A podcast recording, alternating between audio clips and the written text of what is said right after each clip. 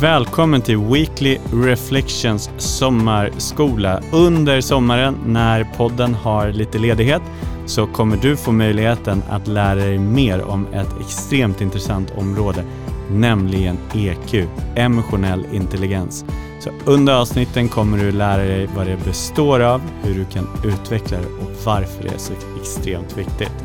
Så trevlig sommarlyssning! Välkommen till det femte avsnittet av Weekly Reflections sommarskola där du får lära dig mer om EQ, emotionell intelligens. Och idag så har vi kommit fram till den sista av de fyra färdigheterna, nämligen relationshantering. Relationshantering är att använda din medvetenhet om dina egna och andra känslor för att hantera olika interaktioner på ett framgångsrikt sätt. Det är förmågan att bygga upp värdeskapande relationer och omfattar både tydlig kommunikation och effektiv hantering av konflikter. Författaren Daniel Goldman som har skrivit en hel del om EQ säger att de kompetenser som krävs för att hantera relationer är följande.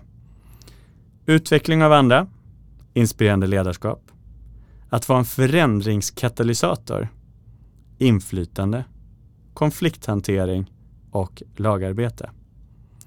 En person som är otroligt stark inom relationshantering och förmågan att hantera relationer förstår och inser värdet av att bygga relationer även med de personer som han eller hon inte känner att de kommer överens med. Jag tror många av er har hört talas om den gyllene regeln och jag nämnde den i tidigare avsnitt att gör mot andra vad du vill att de ska göra mot dig. Och det är en bra grundnivå för att visa respekt för andra. Men när det gäller relationshantering så är det egentligen en ganska dålig regel. En mycket bättre regel för att bygga relationer, det är Platinumregeln.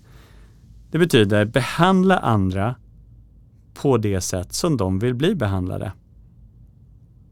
Varför är den här så bra? Jo, den tar hänsyn till andras känslor och fokus i relationerna flyttas från det här är vad jag vill ha så jag ska ge alla samma sak till låt mig först förstå vad de vill ha och sedan ska jag ge dem det.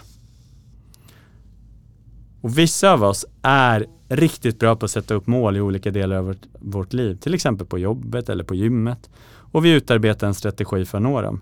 Men hur många av oss har mål för våra relationer? Nästa vecka kommer jag dela med mig av några idéer om hur du kan förbättra din relationshantering. Därför vilja att du tänker på viktiga relationer i ditt liv och bestämmer dig för vilka av dem du skulle vilja förbättra. Och passa samtidigt på att verkligen ge uppskattning till en person som betyder mycket för dig i ditt liv och säg det till dem.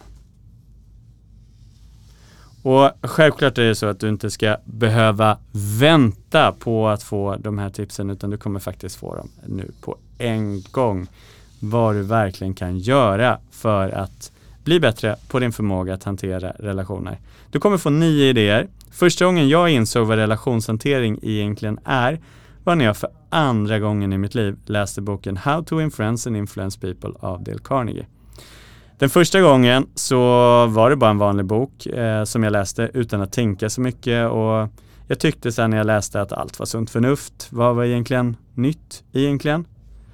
Andra gången reflekterar jag verkligen över de 30 principer som Dale Carney skriver om i boken och frågade mig själv. Använder jag verkligen de här principerna i mina relationer hela tiden? Jag kan lova dig en sak. Jag märkte några verkliga förändringar och min hitrate i mina möten, eller win rate, vid säljmöten gick från 35 till över 80 procent. Så låt mig dela med mig av några av de här idéerna för du kan förbättra din förmåga att hantera relationer.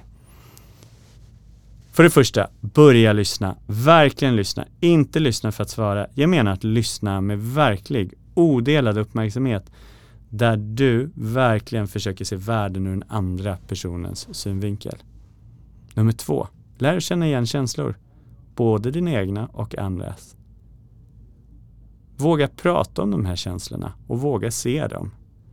Nummer tre, Ställ upp tydliga förväntningar.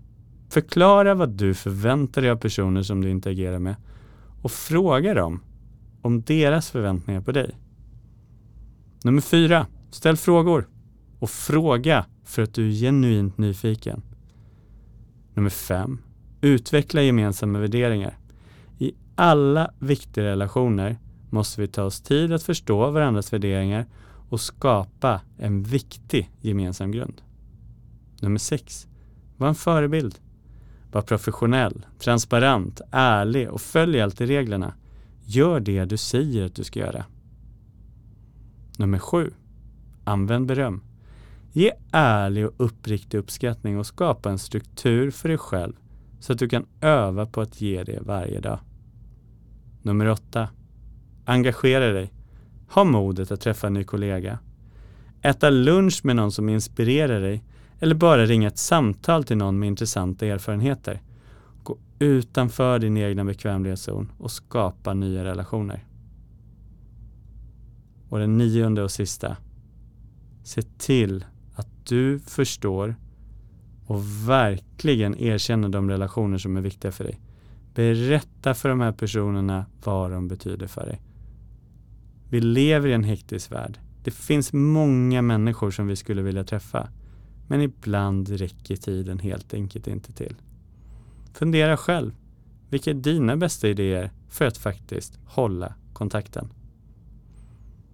Nästa avsnitt kommer vara det sista avsnittet i EQ-skolan och då kommer du få veta mer om hur kan du egentligen nyttja det här då utifrån din försäljning.